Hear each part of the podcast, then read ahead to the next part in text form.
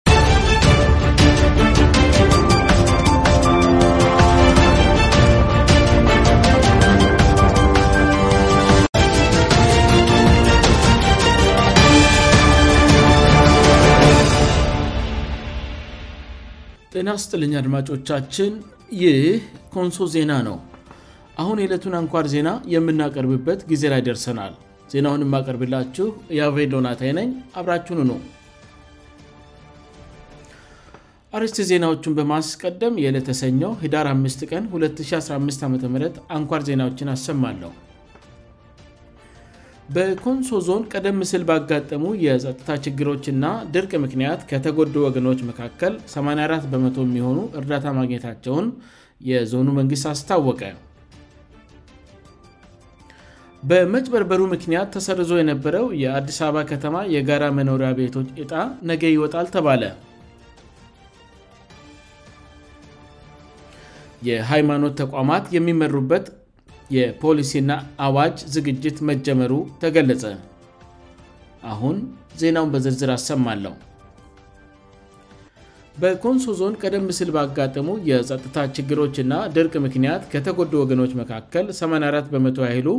እርዳታ ማጌታቸውን የዞኑ መንግሥት አስታወቀ በኮንሶ ዞን በቀጠናው በተደጋጋሚ በተፈጠሩ የጸጥታ ችግሮች ምክንያት ከተፈናቀሉና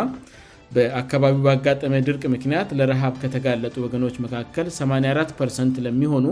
የእርዳታ ድጋፍ መደረጉን የዞን የአደጋ ስጋትና ቅድሜ ማስጠንቀቂያ ጽህፈት ቤት ኃላፊን ጠቅሶ የመንግስት ኮሚኒኬሽን መስሪያ ቤት አስታውቋል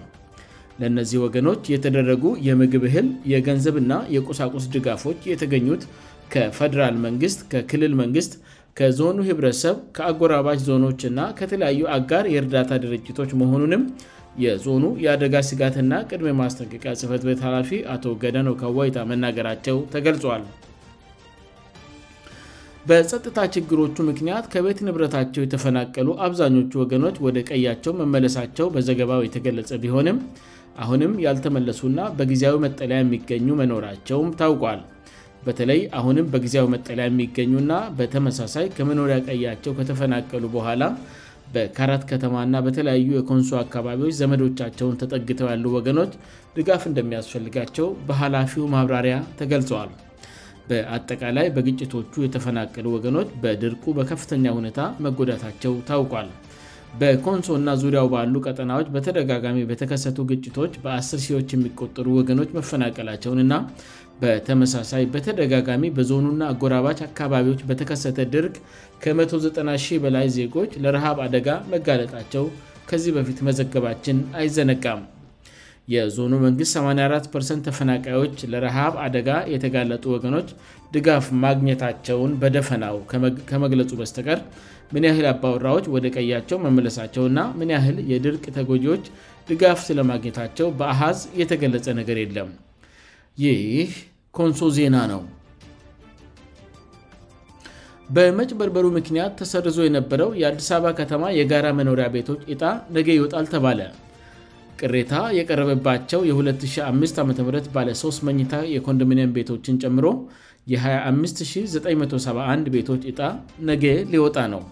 ሐምሌ 1 ቀን 214 ዓም በይፋ ዕጣ ከውጣበት በኋላ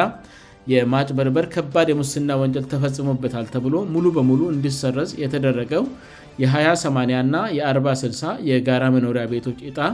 አስፈላጊሁንና ከዚህ ቀደም ተፈጥሮ ከነበረው ስህተት ከፍተኛ የሆነ ጥንቃቄ በተሞላበት አዲስ ሲስተም ተዘጋጅቶ በነገው ዕለት እንደሚወጣ የከተማ አስተዳደሩ ቤቶች ልማትእና ኮርፖሬሽን የቤቶች ልማት አስተዳደር ቢሮ በጋራ በሰጡት መግለጫ አስታውቀዋል በነገው ዕለት ዕጣ ከሚወጣባቸው ቤቶች በ20 በ8 ፕሮግራም ለተመዘገቡ 3318 ስቱዲዮ 7171 1 መኝታ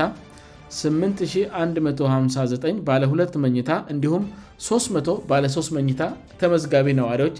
የሚተላለፉ ናቸው ተብሏል በ4ባ በ60 የቤት ልማት ከተገነቡት 187 1 መኝታ 4220 2 መኝታ እንዲሁም 753 ባለ3 መኝታ ቤቶች በነገው ዕጣ እንደሚተላለፉ ታውቋል ይህ ኮንሶ ዜና ነው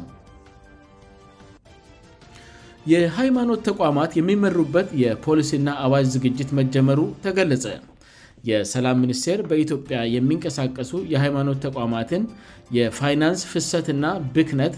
የቦታ አሰጣት እንዲሁም በእምነት ተቋማት አካባቢ የሚታየውን የድምፅ ብክነት የመሳሰሉት ጉዳዮችን ልመራ የሚችል የአዋጅና ፖሊሲ ዝግጅት ስራ መጀመሩን አስታወቀ የሃይማኖት ተቋማትንእና የመንግሥትን ግንኙነት በተመለከተ በህገመንግስቱ አንቀጽ 11 ላይ መንግስትና ሃይማኖት የተለያዩ መሆናቸው ተደንግጎ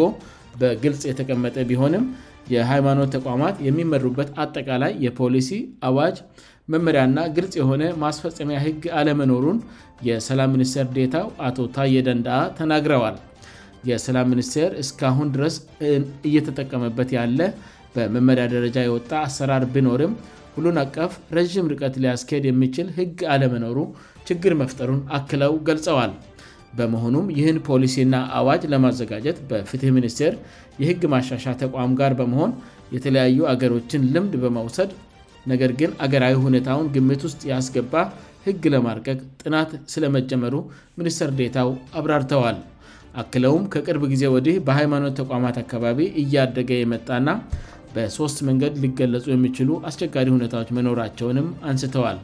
ከነዚህም መካከል የእምነት ተቋማት በውስጣቸው ከግልጽነት ከመልካም አስተዳደር እና ከፅንፈኝነት ጋር በተገናኘ በእያንዳንዱ ሃይማኖት የሚፈጠር ግጭት በተለያዩ ሃይማኖት ተቋማት መካከል ተገቢያ ለሆነ ውድድርና ፍረጃ አልፎ አልፎም ራስን እስከ ማጥፋት የሚደርሱ ግጭቶች እንዲሁም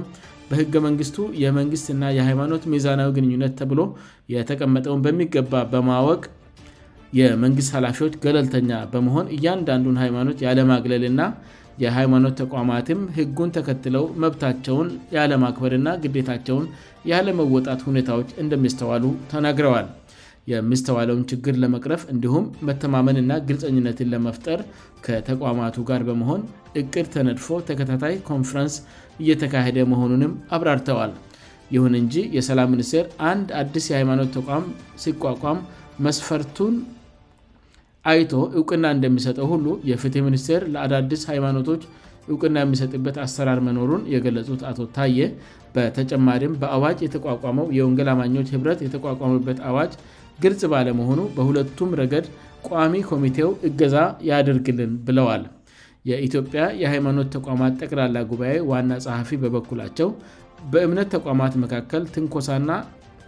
ያፈነገጠ ተግባር አለመኖሩን ገልጸው ይልቁንም በእምነት ተቋማት ውስጥ ባሉ ግለሰቦች አስተማሪዎችና በግለሰብ ደረጃ ፈቃድ ያላቸው ሰዎች ዘንድ የሚታዩ ያፈነገጡ ተግባራት ስለመኖራቸው አብራርተዋል እነዚህ ግለሰቦች በህግ እንድጠየቁ ጉባኤውም እንደሚፈልግና በግለሰብ ደረጃ ፈቃድ አውጥተው የሚንቀሳቀሱ አካላትም ፈቃድ የሰጠው አካል ፈቃዳቸውን